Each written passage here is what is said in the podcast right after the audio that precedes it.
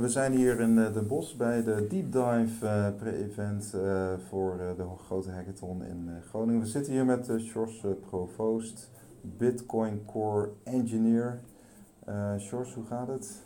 Ja, goed. Ik ben, nou ja, goed, ik focus me op van alles en nog wat. Ik heb enigszins Shiny Object Syndrome, Shiny Object Syndrome zoals dat heet. Maar ik ben de laatste tijd vooral aan het kijken naar hoe je hardware wallets kan gebruiken met Bitcoin Core.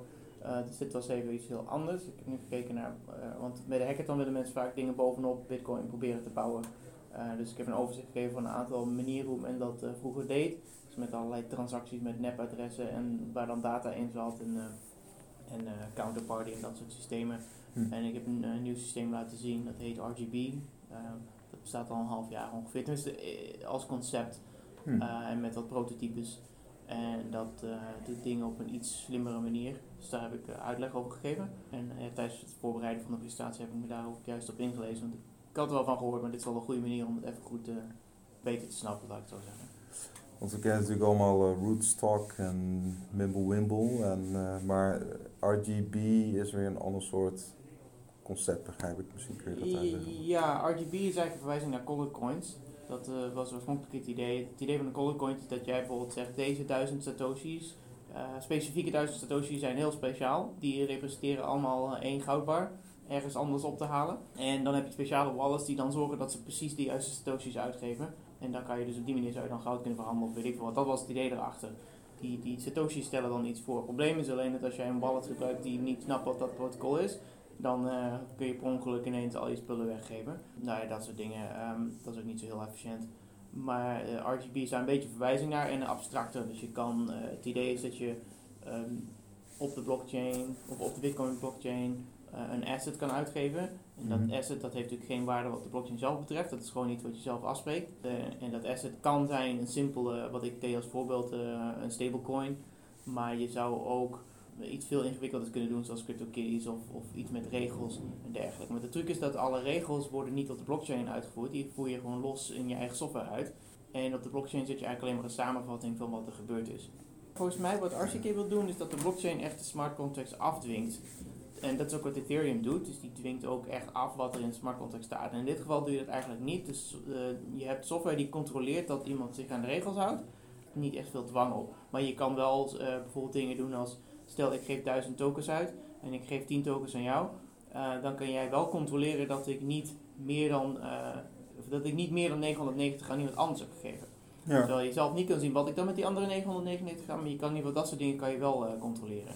Okay. Dus het geeft wel wat garanties, maar het geeft je niet dezelfde garanties die je bijvoorbeeld met een Ethereum zou krijgen. Maar het voordeel is dat je niet een heel ingewikkelde blockchain hoeft te bouwen en je niet zoveel ruimte op een blockchain nodig hebt. Heel simpel gezegd, uh, je hebt de blockchain van, van Bitcoin en daar zit een klein software laagje boven of bovenop. Naast. Of de naast eigenlijk. Uh, kijk, het idee is, een smart contract is eigenlijk gewoon software. En de vraag is, waar draait die software op? En het idee nu is vaak dat mensen die software in zijn geheel op een blockchain willen runnen. Dat betekent dus dat iedereen die de blockchain gebruikt, dezelfde software moet gebruiken. En als er hmm. ook maar iets fout gaat, dan heb je een probleem. Kijk, en dat is nodig als je echt niemand kan vertrouwen. En dat is waar Bitcoin op gebouwd is. Mhm. Maar als jij toepassingen hebt met een, uh, bijvoorbeeld een, een, een, stablecoin waar iemand achter zit die hem dekt, ja, dan vertrouw je toch altijd al die persoon die erachter zit. En dan kan je al iets meer loslaten. En mhm. dan kun je gelijk al beter gewoon zo min mogelijk op de blockchain doen, denk ik dan. Wat een van de adoptierichtingen kan zijn, zeg maar, door meer toepassingen op een blockchain of naast een blockchain te bouwen. Nou ja, het, het leuke aan RGB is dat het eigenlijk gemaakt is door mensen die extreem sceptisch zijn over dat soort toepassingen. Hm. En zij hebben dus op de RGB-site ook een heel betoog staan waarom je het eigenlijk niet nodig hebt. Maar het, het, idee van hun is een beetje van als mensen toch iets willen gaan doen op de blockchain, en ook al zijn zij daar dan sceptisch over, doe het dan op deze manier, zodat je niet te veel op de blockchain vervuilt en jezelf niet in de voet schiet. Dus het is, het is eigenlijk een beetje een manier van oké, als je het doet, doe het dan zo. Een off-chain oplossing, wat vaak genoemd wordt. Ja, ja, maar waarbij je dan wel dus ja, je maakt nog wel gebruik van de blockchain om bepaalde dingen vast te leggen, om samenvattingen vast te leggen eigenlijk, maar je doet zoveel mogelijk daarbuiten. Ja, dus dan zou je off-chain kunnen doen met een beetje vaag begrip op die manier. Het is een voorstel wat gedaan is door uh, Giacomo Zucco in, uh, in juli uh, 2018 in Lissabon op een conferentie. Hm. Er is een, een GitHub waarop dus het protocol enigszins uitgespecificeerd is. En er is een prototype waarin een deel van dat protocol uitgewerkt is. Dus het is nog heel erg in ontwikkeling. Als je het wil gebruiken, zul je waarschijnlijk er zelf ook nog wel dingen aan moeten verbeteren. Want het is eh, volgens mij toch nog één persoon die eraan gewerkt heeft. Oké. Maar goed, je zag genoeg reden om dat hier te presenteren, toch? Uh, ja, ja, het leek me goed aansluiten op wat mensen aan het doen zijn. Ja. En ook om een tweetal, denk ik, tweetal misverstanden weg te halen over wat denk ik dat mensen hebben over bitcoin en dingen, toepassingen daaromheen. Is uh, één is dat je niet per se alles op een chain hoeft te doen. Dus vandaar dat ik zeg, je kan dat contract voor een groot deel gewoon controleren zonder dat het op de blockchain zelf gebeurt, maar je verwijst naar de blockchain. Tweede is dat je wel degelijk kan schalen. En daar heb ik aan het einde een paar uh, presentaties gegeven. Want het probleem, zoals ik het nu beschrijf, is elke keer dat jij iets doet met je smart contract of met je software, moet jij een uh, transactie uitzenden. En dat, dat is natuurlijk niet heel efficiënt als je veel, veel mutaties hebt. Uh, maar er zijn eigenlijk al twee manieren hoe je dat zou kunnen opschalen. En daar heb ik wat over gezegd tijdens de presentatie. En een daarvan is, de een daarvan is met Lightning. je kan dus een gekleurd Lightning kanaal maken, is dan het concept erachter. En de andere is Proof Marshals, wat ik nog steeds niet goed begrijp. Maar het idee daarachter is dat je meerdere mutaties combineert in een Merkle tree of gewoon op de een of andere manier combineert in één hash en daarmee dus af en toe een update doet die een heleboel updates representeert. Dus je hoeft niet mm. één update, één transactie te doen, je kan dat allemaal bundelen. En hoe je dat cryptografisch dan verstandig doet, daar wordt nog een beetje over nagedacht, maar conceptueel gezien kan dat in ieder geval. Dus dat betekent dat het feit dat Bitcoin niet zoveel transacties heeft, dat hoeft geen belemmering te zijn. Dus RGB zou uh, voor bepaalde soorten smart contracts op RGB zou je Lightning kunnen gebruiken, namelijk zogenaamde fungible contracten. Stel dat ik een uh, stablecoin uitgeef en ik heb één stablecoin, en dan maakt het mij niet zoveel uit welke dat is. Dus als ik die in een Lightning kanaal stop en aan de andere kant er iets uithaal, dan is het niet erg dat dat niet precies dezelfde is als het maar evenveel waard is. En je hebt ook non-fungible dingen. Dat zeg een mm. CryptoKitty. Als ik een CryptoKitty A erin stop, dan wil ik ook CryptoKitty A eruit halen. Dat kan niet met Lightning, want in Lightning moet alles hetzelfde zijn aan beide kanten van het kanaal. Het leent zeg maar voor een subset van wat je met RGB kan doen, maar dat deel zou je daar dan mee, mee kunnen doen. Dus je zou dan het Call Coins idee kunnen hebben wat we vroeger hadden, maar dan met Lightning erbovenop. En aan de hand, maar dat andere verhaal, dus die, uh, die Proof Marshals, waarbij je, als ik het goed begrepen heb, in ieder geval een heleboel dingen combineert mhm. in één transactie, die dingen kunnen voor zover ik weet zo complex zijn als je maar wil. Maar dat weet ik niet helemaal zeker, want dat uh, moet je aan Pieter Tot vragen. En dat is nog steeds niet af, dus uh, ja. Heb je wel eens contact met hem? Ik ken hem vooral van Twitter. Ja, ik kom hem op conferenties tegen af en toe. Uh, ik probeer wat dingen bij te dragen. En als mensen dat fijn vinden, dan komt dat erin. En als ze het niet fijn vinden, komt het er niet in. En ik probeer ook te helpen met de review van andermans werk. Dus uh, dat is gewoon dingen testen en code doorlezen en uh, zeggen wat je ervan vindt. Dus voor elke wijziging die voorgesteld wordt, elke pull request, wil je dat een paar mensen het goed bekeken hebben. En liefst ook mensen die enigszins weten wat over gaat. En, en daar geen bezwaar tegen hebben. En dan wordt het uiteindelijk gemerged en wordt het onderdeel van Bitcoin. Dus dat is grootste deel van wat ik eigenlijk doe. En, maar ik probeer tegelijkertijd ook zelf dingen bij te dragen. En dan qua subgebied de laatste tijd ben ik heel erg gaan kijken naar hardware wallets. Hoe je dat makkelijk kan maken. En daar zijn ook weer een aantal mensen mee bezig. Dus daarbij geldt ook weer dat ik voor een deel zelf code daarvoor schrijf. En voor een deel heel veel andermans code testen en reviewen. En probeer. Ja, deels is het ook bijna marketing. Dat je mensen zo gek moet krijgen om jouw werk of juist om andermans werk te controleren. Want er zijn op elk moment 300 of zo pull requests op Bitcoin Core. En jij wil natuurlijk dat een stuk of tien, uh, dat die meer aandacht krijgen zodat ze er snel doorheen gaan. Dus je moet dat, uh, het helpt überhaupt door ze zelf te reviewen, want dan heeft het aandacht. En dat zien andere mensen ook, dat er activiteit is. Dus dat hmm. moedigt dan ook aan. Deels helpt het ook om andermans werk te reviewen. Want dan zal die persoon misschien ook eens kijken van, hé, hey, wat is die persoon aan het doen? En dan uh, kunnen ze misschien iets voor jou reviewen, maar dat is niet de formele nee, ding. Okay. Dat is natuurlijk altijd, het is redelijk ja, dat, dat zal per persoon verschillen. Ja. Ehm, wat ik oorspronkelijk deed, was, ik werd er enthousiast van en ik had zoiets hoe ga ik hier zorgen dat ik ook nog wat geld binnenkrijg. Maar dat kan je in principe gewoon los van elkaar zien. Dus je kan zorgen dat je ergens een parttime baan hebt en dan ga je dit in je vrije tijd doen. Hm. Um, en mijn idee was toen, nou, ik heb nog wel wat verstand van Ethereum, dus ik ga wel smart contracts reviewen op security of zo en dan kan je daar geld mee verdienen. Uh, maar uiteindelijk was dat niet nodig. Uh, Blockchain.info was mijn voormalige werkgever. Die heeft aangeboden om het te sponsoren om dit gewoon te blijven doen. Dus zolang ik iets aan het open source systeem bijdraag, uh, zijn zij tevreden. Ja, wat is er eigenlijk voor nodig? We zien natuurlijk verschillende hardware wallets dat Bitcoin gewoon natuurlijk een onderdeel is van de ledger en Trezor. Wat is er nog voor nodig? Ah, nou, nou, er zijn eigenlijk dus twee dingen die ik graag gecombineerd wil zien. Eén is Bitcoin Core, dus full node. Het Mhm. fijne daarvan is dat je daadwerkelijk weet dat de bitcoin die je hebt jouw bitcoin is. Mhm. En anders vertrouw je daar toch iemand anders voor. En de andere is de security die je krijgt van die hardware wallets, dat de keys niet op jouw computer staan, maar op een apart apparaat staan. Nou, het probleem bij die hardware wallets is nu, als jij die dingen koopt, dan, eh, dan zit daar een wallet bijgeleverd. En wat die wallet doet, over het algemeen, is die, die vraagt aan hun server, de server van de hardwaremaker, wat is mijn balans? En dat is dus privacy technisch niet zo handig. Dan heb je dus een bedrijf wat, eh, waar, wat net een product naar jou heeft gestuurd, dus die weet jouw naam en jouw adres. En eh, die nu ook jouw eh, balans weten als ze dat aan elkaar zouden kunnen koppelen. En dat, natuurlijk willen ze dat liever niet. Hmm. Die bedrijven hebben wel hard voor hun klanten en hard voor privacy. Maar ja, er zijn genoeg instanties die daar wel interesse in gaan hebben. En die gaan ze er of toe dwingen of het stiekem doen.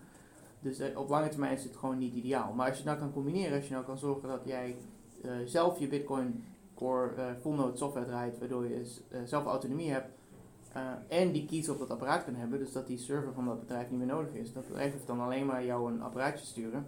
Hmm. Maar jij gebruikt het en jij hebt de volledige privacy en de volledige controle. Dus die twee dingen wil je combineren. En, en op zich Hmm. is dat gewoon prima te doen, maar er moeten gewoon een paar saaie wijzigingen aangebracht worden die verder niet heel spectaculair zijn om precies uit te leggen. Maar Daar ga ik in Londen eh, aanstaande vrijdag een presentatie over geven. Niet zo slim getimed van me om twee presentaties in één week te doen, maar daarna ga ik weer een tijdje onder een rots eh, zitten, denk ik. Ja, want, want werk, jij, werk je even terug, je werkt voor, voornamelijk eh, alleen of dan online met groepen? Of hoe, hoe werkt dat? Of heb je hier in Nederland ook een soort, soort groepje core developers? Of? Nee, je kan eh, gewoon thuiswerken.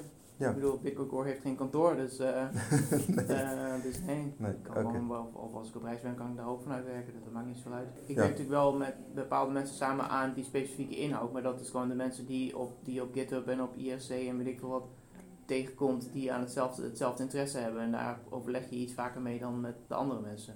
Die- Ja, ja zeker. Ja, ja. Andrew Chow heeft een hele Python library eh, in elkaar gezet die echte drivers doet.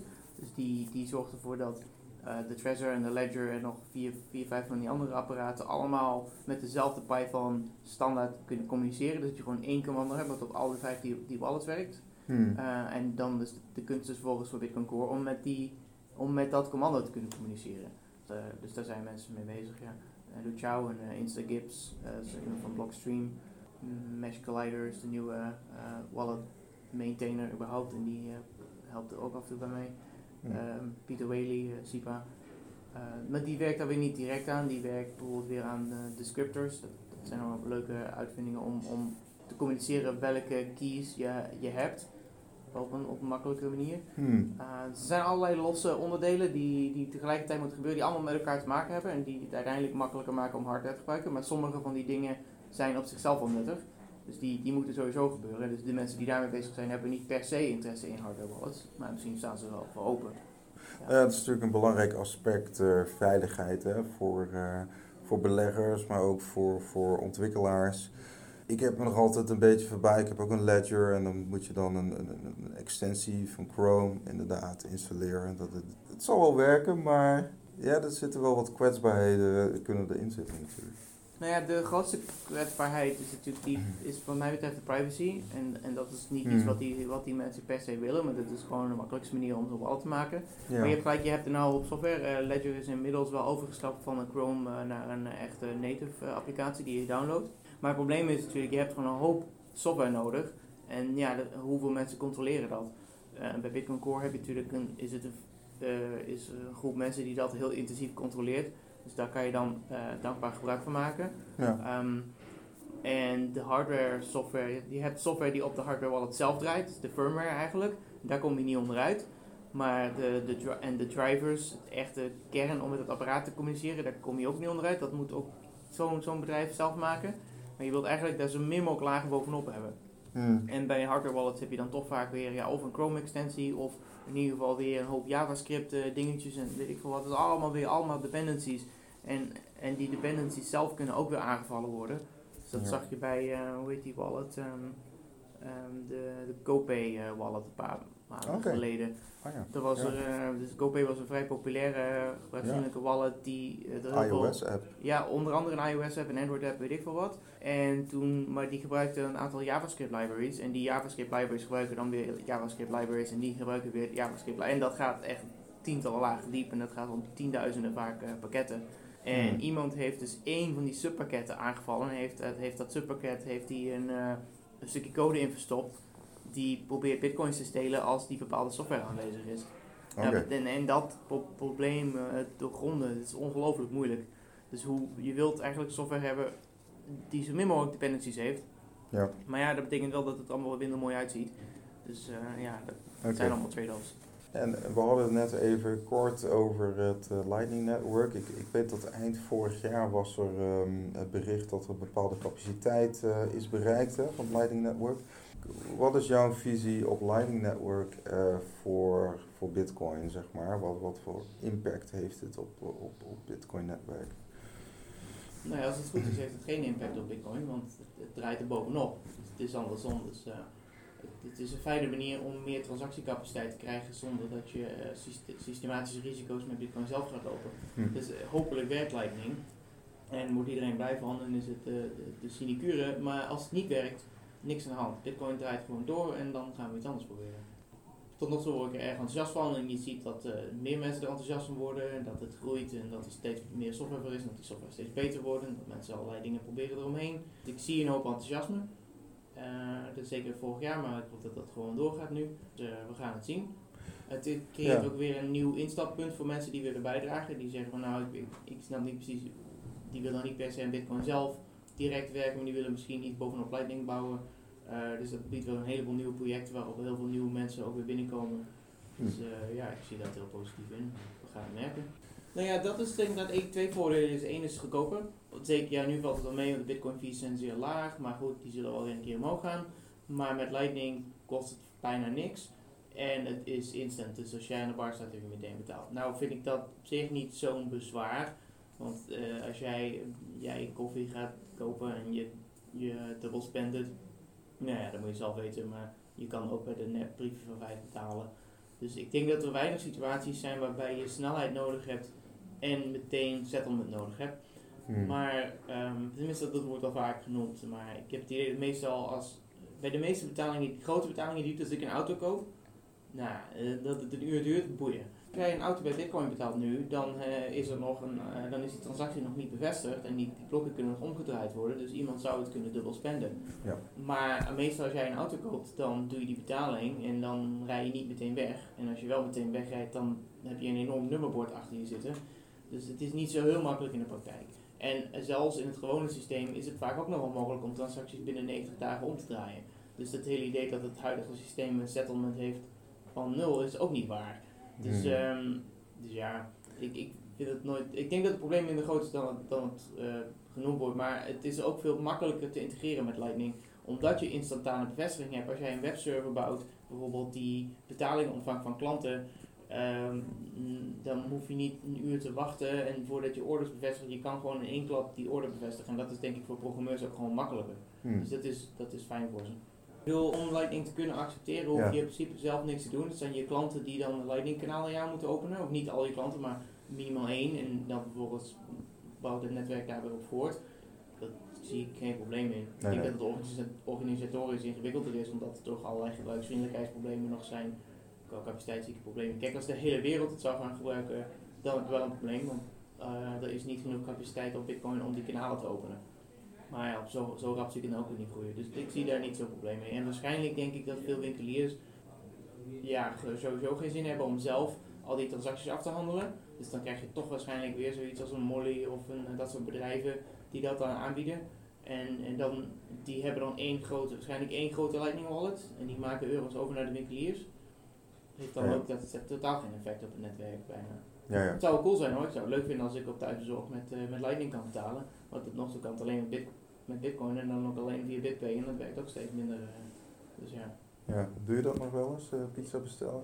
Ja, ik probeer het af en toe uit om gewoon te kijken of het nog werkt. Maar eh, ja, het blijkt, je krijgt elke keer dezelfde foutmelding die onterecht is. Het schiet gewoon niet op en ik weet niet waarom. Ja, BitPay heeft geen zin om Lightning toe te voegen, volgens mij om politieke redenen. Of Hmm. omdat ze geen geld hebben om developers in te huren, ik weet het niet. Ja, maar ehm, ik hoop dat een andere payment provider wel doet. Ik weet dat Molly bijvoorbeeld Bitcoin accepteert. En dat is ook een prima experience. Maar die hebben ook nog geen Lightning toegevoegd. Maar als die dat wel zouden doen en dan gewoon even dat adverteren aan een aantal Nederlandse webshops, dan zou je binnen no time overal met Lightning kunnen betalen hier. ja, Want de winkelier merkt er niks van. En als bitcoiner is het enige voordeel eigenlijk dat jij niet meer door een exchange hoeft om je, om je bitcoins uit te kunnen geven. Privacy technisch misschien iets gunstiger. Dat je bank niet per se hoeft te weten wat je allemaal koopt. Maar goed, het scheelt dus ook in fees, hè? Ik bedoel, het wordt gewoon goedkoop. Ja, maar het scheelt niet ten opzichte van fees nu. Want als ik nu eh, euro's koop van mijn bitcoin en die euro's op idle uitgeef, betaal ik ook nul fees. Dus in die zin maakt het Ja. niks uit.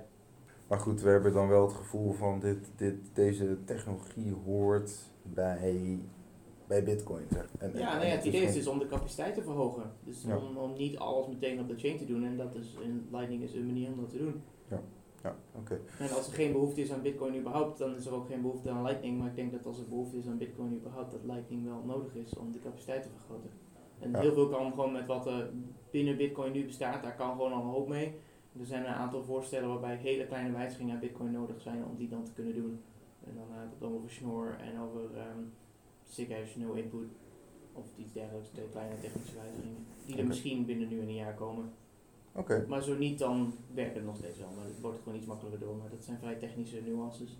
Hoe zie jij de huidige ontwikkeling zeg maar, van... We hebben zeg maar, ja, 2018 gehad, we hebben de hype gehad, we hebben nu 2019. Het stof is neergedaald, je ziet toch wel wat slecht nieuwsberichten hier en daar. Eh, hoe, hoe, erva- hoe heb jij eigenlijk afgelopen jaar ervaren, zeg maar? Afgelopen jaar, oh, ik heb me prima vermaakt. Ja, ik bedoel, ik kan gewoon eh, lekker doorwerken. Het, eh, de afwezigheid van die hype vind ik ook wel enigszins rustgevend. Dus eh, ja. Oké. En ik heb niet het idee dat er op lange termijn iets veranderd is. Ja, of de prijs was te hoog, of de prijs is nu te laag, een van de twee. Maar er is niks fundamenteels veranderd. Dus dat, dat, dat er minder aandacht is vanuit de media en vanuit de mensen, dat, is- ja, dat is allemaal wel. Maar het is niet alsof er nu iets gebeurd is waar we denken van, oh, dit verandert alles. Het is niks, er was niet een gebeurtenis in januari 2018 waardoor ik dacht, oh, toch maar goed dat de prijs van bitcoin naar beneden ging. Nee. Dus Hmm. ik, ik kan nu gewoon onafgeleid doorwerken en uiteindelijk krijg je wel weer zo'n hype cycle en ja, dat, dat gaat altijd omhoog en omlaag. Het zou Ja. leuk zijn als het heel soepel was allemaal en niet altijd, geen schokkende bewegingen, maar zo werken markten niet. Ja, En misschien gaat het naar nul, maar ja, we merken het wel. Uiteindelijk als de, de bearmarkt te lang doorgaat, kan ik me voorstellen dat sponsors op een gegeven moment geen geld meer hebben, dus dat het dan op een andere manier aan inkomsten moet komen. Dat is niet zo heel moeilijk als programmeur, dus ik maak me daar niet echt zorgen over. oké. Ik bedoel, dan, dan ga ik desnoods gewoon niet, niet bitcoin werk doen om geld te verdienen en dan, dan bitcoin doorwerken. Dat maakt, maakt niet uit. Het is wel fijn om je te kunnen concentreren erop, maar ik zie het niet, het is niet mogelijk. Ik bedoel, iedereen kan dat doen. Je kan het in Nederland ook op een uitkering doen als je wil, dus ja. Wat zie jij voor jezelf hè, als engineer, zeg maar, als de belangrijkste verbeterpunten van, van, van, van Bitcoin? Daar heb je vast wel ideeën over. Dat is een hele brede vraag. Het is een heleboel gewoon kleine dingetjes. Kijk op GitHub, er staan honderden issues en pull requests open. Het zijn allemaal kleine dingen die beter moeten. Dus Ja, er is gewoon een hoop. eh, Bitcoin Core zelf is gewoon software. Dat moet beter. Maar als je kijkt naar de consensus laag, dus echt wat de Bitcoin protocol echt zelf is, ja, daar wil je eigenlijk niet te veel aan sleutelen. Dus eh, ja, daar heb ik ook niet heel sterke mening over wat daar nou precies aan moet verbeterd worden. Dat ik niet per se haast heb om Bitcoin zelf dan aan te gaan passen. Ja, oké. Eerst, eerst even de, de basis op orde krijgen, dat is nog echt een hoop werk. Maar er zijn een aantal hele kleine, relatief kleine eh, veranderingen die als een kleine software kunnen, die heel veel eh, eh, dingen opleveren, zoals Schnorr en, en dat soort recente voorstellen. Dat is Nou ja, nu per definitie. Ten eerste, Bitcoin heeft de bloks ook vergroot met Segwit. En tot nog toe is het resultaat daarvan dat de fees nul zijn. Of bijna niet nul zijn. Dus voorlopig zijn die bloks groot genoeg. Ja. En eh, het is ook wel de bedoeling dat het niet helemaal gratis is om die blockchain size te, eh, te gebruiken. Hm. Dus ja, ik maak me daar niet zoveel zorgen over. Lightning lijkt, lijkt me ook nog wel een flinke overloop eh, aan capaciteit te bieden. Hmm. Nou ja, tegen de tijd dat dus Lightning maximaal gebruikt wordt, en dat zie je dan dus omdat dan de hele Bitcoin blockchain bestaat uit het openen en sluiten van Lightning en dat dan nog steeds de fees omhoog gaan, ja, dan zou het kunnen zijn dat we nog een oplossing nodig hebben om nog verder te schalen. Of dat blijkt dat het niet verder kan, dat kan ook. Ik bedoel, de, de, het universum is ons niet eh, oneindige schaalbaarheid verschuldigd. Bedoel, Via software kun je ook oneindige capaciteit toevoegen. Dat kan, maar ik, ja, ik liever niet voorlopig. Nou ja, Bitcoin opereert natuurlijk in een aantal wel onafhankelijkheden. Hè? Dat, dat, je hebt natuurlijk de markt. Kijk, als je puur kijkt naar de logistische schaal van Bitcoin, dan gaat het gewoon, uh, gewoon steady omhoog. Ja, weet je, het is, als Bitcoin heel breed gebruikt wordt, dan zal de prijs omhoog gaan. Dat lijkt me onvermijdelijk. En het traject er naartoe, daar durf ik niks over te zeggen. Maar ik durf niet te garanderen dat dat gaat gebeuren. Hmm. Het kan best gewoon weer naar nul gaan als, als niemand er behoefte aan heeft. Hmm. Dus ja, en, en dan zou je kunnen kijken hoe zou je dat zo soepel mogelijk kunnen laten lopen. Maar dat, ja, niemand kan dat voorspellen. De, het feit dat, ik denk dat als het had gekund, dat bitcoin gewoon in dollars uitgedrukt was. De eerste vormen van elektronisch geld waren ook gewoon in dollars uitgedrukt. Uh, het probleem is alleen dat je dan een gecentraliseerd systeem krijgt. Dus de enige manier om een decentraal systeem te maken is dat het zijn eigen munt is, zijn eigen waarde heeft. Hmm. En dat heeft nadelen, namelijk dat het volatiel is. Dat heeft ook voordelen, want het maakt mensen ook wel enthousiast het feit dat Bitcoin zijn eigen waarde is, is niet per se een feature. Sommige mensen zijn het daar misschien niet mee eens, want die zullen wel zeggen, hé, maar die, het, het is een soort alternatief goud. Maar dan zou ik zeggen, oké, maar waarom is het dan niet aan de prijs van goud gekoppeld? Maar het moet zijn eigen prijs hebben, want anders werkt het niet. Maar ik, ik, zie dat niet als een feature per se. Oké. Okay. ik denk dat het makkelijker ook voor de kennismaking was geweest als het ding gewoon een vaste dollarprijs of een vaste goudprijs had gehaald. Bitcoin is alleen maar speculatie en heeft helemaal geen intrinsieke waarde. Dat is een mening hè, van sommige mensen. Als ik dat nu nog moet beantwoorden aan mensen. Uh, ik vind het gewoon zelf heel interessant. En uh, ik zie voordelen vanuit de privacyhoek. En, en op termijn ook wel vanuit de monetair beleidhoek. Want ik denk niet dat de euro een eeuwig leven beschonken is. Of in ieder geval, ik geef het uh, nou ja, 50% kans dat het niet instort. Of de dollar, ja. Ja, of allebei. wat is dan je plan B? Dus um, hmm. ja, en ik vind het huidige systeem van financiële surveillance ook niet bepaald wenselijk. Dus ik denk dat, uh, en ik sowieso, het is gewoon oude, oude rommel, de, de huidige financiële systeem. Qua software is het ook één, ik bedoel, ik geloof dat ING laatst 300 miljoen euro heeft begroot voor het iets verbeteren van hun apps. Denk je, dat is meer dan ooit een engineering in Bitcoin gestoken is. Ja, nee, marginale verandering, omdat je op oud systeem, op oud systeem, op oud systeem hebt. Dus het is hoe dan ook denk ik wel goed om nieuwe systemen te bouwen. Maar goed, dat zou ook eventueel een, nieuw, een, volledig vanaf de grond af aan gebouwd fiat systeem kunnen zijn hoor. Dat, het technische schuld kan je ook wel op andere manieren oplossen. Je ziet ook uh, banken als Punk en zo, die, die vanaf de grond af aan een hele infrastructuur opnieuw hebben gebouwd en dat hebben ze voor een paar miljoen gedaan. Ja. Dus, dus in die zin. Uh, maar stel dat, dat Bitcoin een stablecoin was geweest, want dat, dat zei je eigenlijk mm enigszins, dan had dat ook wel voor zijn voordelen gehad natuurlijk. Ja, goed, ik zou niet weten hoe dat eruit ziet, want we weten gewoon niet hoe dat zou kunnen technisch gezien. Dus nou ja, mhm. dan is het maar een eigen coin. En uh, dat lost zichzelf ook wel op. Ja, ik ga ervan uit dat als Bitcoin lang genoeg bestaat, dat de waarde stabiliseert. Ik zou niet weten waarom niet, maar hmm. waar, op welk bedrag weet ik niet. Ja. Mensen hebben op een gegeven moment, volgens mij, op de een of andere manier bedenken ze dat iets een bepaalde waarde heeft en dan gaat dat zijn eigen leven leiden. Ja, wat nou precies de prijs van goud bepaalt bijvoorbeeld, is ook niet helemaal duidelijk. Want het industrieel gebruik van goud is maar een fractie van de prijs. Dus dat kan niet de dominante factor zijn. Dus het is toch speculatie. En blijkbaar is dat toch stabiel. Want ondanks dat het inderdaad je zegt van de mening over goud zouden toch wel van dag tot dag moeten verschillen, die prijs is redelijk stabiel. Dus ik verwacht dat Bitcoin dat ook bereikt. Op een gegeven moment heeft, heeft de mensheid gewoon een soort van, nou, Bitcoin is zoveel brood waard en dan blijft het dat hangen. Ik weet niet hoe dat precies werkt, maar dit. Zoals Satoshi, ja. Ja, zo'n psychologische stabiliteit of zo.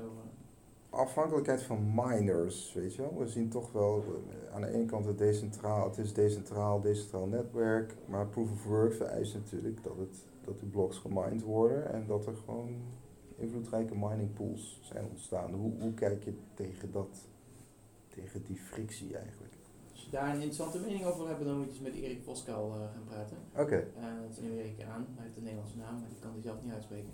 Maar hij, eh, hij denkt daar ook redelijk veel over na, over de problematiek. En mm. ja, niet iedereen is, het is niet duidelijk hoe de situatie echt is nu, want het enige wat je kan zien zijn de mining pools. Maar pools is, zijn niet individuele miners. Dus we weten niet echt hoe centraal of decentraal het is. Maar je kan wel gaan kijken naar worst case scenario's. En dat is wat Eric dus ook redelijk doet. Zeg nou, stel nou dat een overheid de controle krijgt over 50% van de miners. Want dat zijn de miners zelf niet die problemen zijn, maar een overheid die die miners dwingt om bijvoorbeeld censuur te gaan plegen. Dus stel dat dat gebeurt. Oké, wat kan je dan nog tegen doen als Bitcoin-ecosysteem? En en hij heeft het idee van, ja, uiteindelijk kan je daar wel wat tegen doen. Je, sowieso, op het moment dat transacties gecensureerd worden, dan gaan de fees omhoog op de gecensureerde transacties. Dus op een gegeven moment dan zal er toch echt wel iemand bereid zijn om te gaan minen, of wordt het heel duur om die censuur uit te voeren. Dus uh, ja, zoals je naar de meest pessimistische mm. situatie kijkt, dan is het volgens mij alsnog wel allemaal redbaar. Ehm, maar het zou natuurlijk leuk zijn als mining enigszins, enigszins gedistribueerd blijft, uh, enigszins verschillende jurisdicties zit. Maar dat zie je ook wel. Want China lijkt toch wel wat dominantie te verliezen. Want je ziet nu Hmm. dat in Canada en in Amerika en zo, dat er nu ook allemaal mining eh, geopend wordt. En, eh, Ja. Of dat er in New York zelfs een of andere hydrodam eh, weer opgeknapt wordt om puur alleen maar voor bitcoin mining te gaan gebruiken. En dan zie je wel het voordeel van, van het Westen ten opzichte van China, is dat het Westen wel rechtszekerheid biedt. Dus als jij in het Westen een investering doet van 100 miljard, dan heb je kans dat dat niet in beslag genomen wordt. En in China moet je dan nog maar zien. Dus Ja. ik denk dat China ideaal was voor kleinschalig minen. Van eh, ik heb een oom met een elektriciteitscentrale. En dat kan ook kleinschalig, dat bedoel ik nog steeds best wel vrij groot. Maar Ja? relatief kleinschalig ten opzichte van Bitcoin misschien kan zijn. Dus het kan, het kan best zijn dat je uiteindelijk voor die hele grote projecten, ondanks dat de arbeid in China goedkoper is, dat de rechtszekerheid gewoon een te groot probleem wordt daar. Ja. Maar, ehm, en ja, er kan- werd van alles ingezet, hè? Alle, aluminium smelters en zo. Nou ja, een van de, de dingen waar Bitcoin veel gemined wordt, is inderdaad dat alle, ehm, is op plekken waar aluminium gesmolten werd, omdat dat, die aluminiumindustrie niet rendabel was. En dan heb je Hmm. gigantische eh elektriciteits, eh, water, waterkrachtcentrales gebouwd in Ja. the middle of nowhere en dan eh, komt je aluminium niet en wat ga je dan met die waterkracht doen? Nou, dan kan je de bitcoins mee minen. Dus Ja. dat zie je voor een deel wel gebeuren. Maar je kan ook eh, net zo goed gewoon in the middle of nowhere gewoon eh, een hele dam gaan bouwen. En, want kijk, aluminium smelten wil je nog wel bij een rivier doen waarschijnlijk, want je moet het spul aanvoeren. Maar, ehm, maar bij een grote rivier en een bevaarbare rivier. Maar bitcoin minen kan je overal doen waar er stromend water is. Dus ik ben benieuwd of er inderdaad straks op hele rare plekken eh, stuwdammen gebouwd worden. En dat dat misschien ook nog allerlei milieugevolgen heeft, want dat kan natuurlijk ook op verantwoorde manier en op onverantwoorde manier. Eh, het idee dat het groen is, ten bijna nog niet. Nee. Dus ik ben heel benieuwd wat dat allemaal voor interessante dystopische eh, scenario's gaat opleveren. Oké. Ja, de gemiddelde Nederlander, die, eh, maar goed, dat is een andere discussie misschien, die vindt natuurlijk nog steeds dat bitcoin mining energieverspillend is. Hè? Dat wordt vaak toch echt als eerste argument gebruikt. Als jij denkt dat het verspillend is, is de vraag eh, hoe nuttig vind je bitcoin? Want als jij, eh, stel, ik vind bijvoorbeeld het, misschien het stadion, een, een gemiddeld voetbalstadion vind ik energieverspilling, want er staan een hoop lampen in en die staan iets te doen waar ik geen belang aan hecht. Hmm. Maar een ander zegt, ja, maar voetbal is een nationale sport en dat is belangrijk en dat hoort bij de volkscultuur. Dus hoezo verspilling? Het is nuttig. Dus je moet in ieder geval om de vraag te beantwoorden of bitcoin energie verspilt, moet je je vragen hoeveel waarde hecht je aan bitcoin. En dan kan je vervolgens zeggen, oké, ik hecht x waarde aan bitcoin. En dan zeg ik, het energieverbruik is meer dan x, dus ik vind dat het verspilling is. En vanaf dat, op die manier zou je daarover kunnen redeneren. Ik denk, als, als jij denkt dat bitcoin bijvoorbeeld fundamenteel is voor, voor een grondrecht als privacy, Oké, dan ga je met andere grondrechten vergelijken. En vinden we dan dat het, eh, dat het humaan huisvesten van criminelen, is dat dan energieverspilling? Of moeten ze ze maar gewoon afschieten? Eh, doen we ook niet. Wederom, het gaat ons om hoe nuttig vind je bitcoin. En dan, als je vervolgens dat besloten hebt, kan je zeggen, oké, hoe kan je die energie, die, als we besloten hebben dat die energie nuttig is, hoe kunnen we die dan opwekken met zo min mogelijk milieu-impact? Want dat is dan het tweede doel. Dus doel 1 is we willen bitcoin en doel 2 is dan we willen het milieu niet te veel vervuilen. Dan is daar een hele algemene oplossing voor. en Dat heet een belasting op CO2. En dat is niet alleen voor bitcoin een oplossing, dat is überhaupt een goede oplossing om Hmm. om te gaan met eh, hoe gaan we nou die CO2-uitstoot reduceren. Mensen specifiek dan maar gaan bedenken, oh, als het om CO2 gaat, dan willen we dit wel toestaan en dit niet toestaan. En dan ga je lopen micromanagen. Dat lijkt mij niet de oplossing. Dus, dus ik zou inderdaad zeggen, eh, los je CO2-belastingprobleem op, over de hele industrie verspreid. Dan pak je daar bitcoin ook mee. Want dan wordt minen gewoon op, op gegrijsde stroom minen wordt dan duurder dan op groene stroom minen. En dan wordt er op groene stroom gemined. En dan, bitcoin boeit het niet, zolang er maar een eh, gelijk speelveld is. Dus ik zie niet echt een probleem. Nee, nee. Sowieso is het in absolute termen stelt het nu gewoon helemaal niks voor. Welke andere projecten vind, vind jij gaaf? Hè? Je, je bent natuurlijk gewoon bezig met bitcoin. eh, maar zijn er bepaalde andere projecten van, van, van, van binnen die coin market cap hè, eh, die, die je interessant vindt? Je ziet bijvoorbeeld dat Litecoin gaat wat dingen van Monero misschien integreren. Hè? Dus je ziet sommige privacy coins. Ja, weet je, het is, ik vind het op zich wel goed dat er geëxperimenteerd wordt met privacy coins, omdat eh daar allerlei risico's aan kle- kleven, wat soms neerkomt op een kat-en-muisspel. Eh, dus bijvoorbeeld een, hè, dus een Monero bijvoorbeeld, die heeft dan bepaalde aannames over hoe je anonimiteit kan doen, maar dan heb je een chain analysis en die gaat dan proberen dat ongedaan te maken. Dus ik vind het wel leuk om dat kat-en-muisspel eh, te zien uitspelen.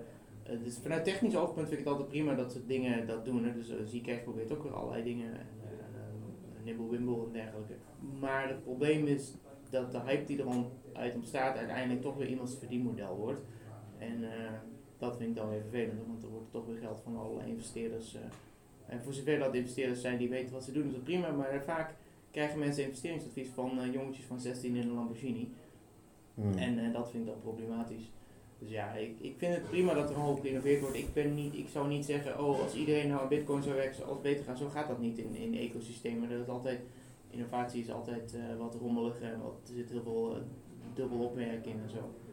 Ja, mensen moeten vooral doen wat ze zin in hebben, zolang ze zich maar enigszins eh, ethisch gedragen. En dat, eh, dat zie je niet veel, helaas. Die, die eh, vindt die en die coin fantastisch en ga dat maar kopen. Mimblewimble is natuurlijk Jameson Lob bijvoorbeeld, hè, Running Grin, Grin en Beam, wat natuurlijk op dat protocol wordt gebouwd.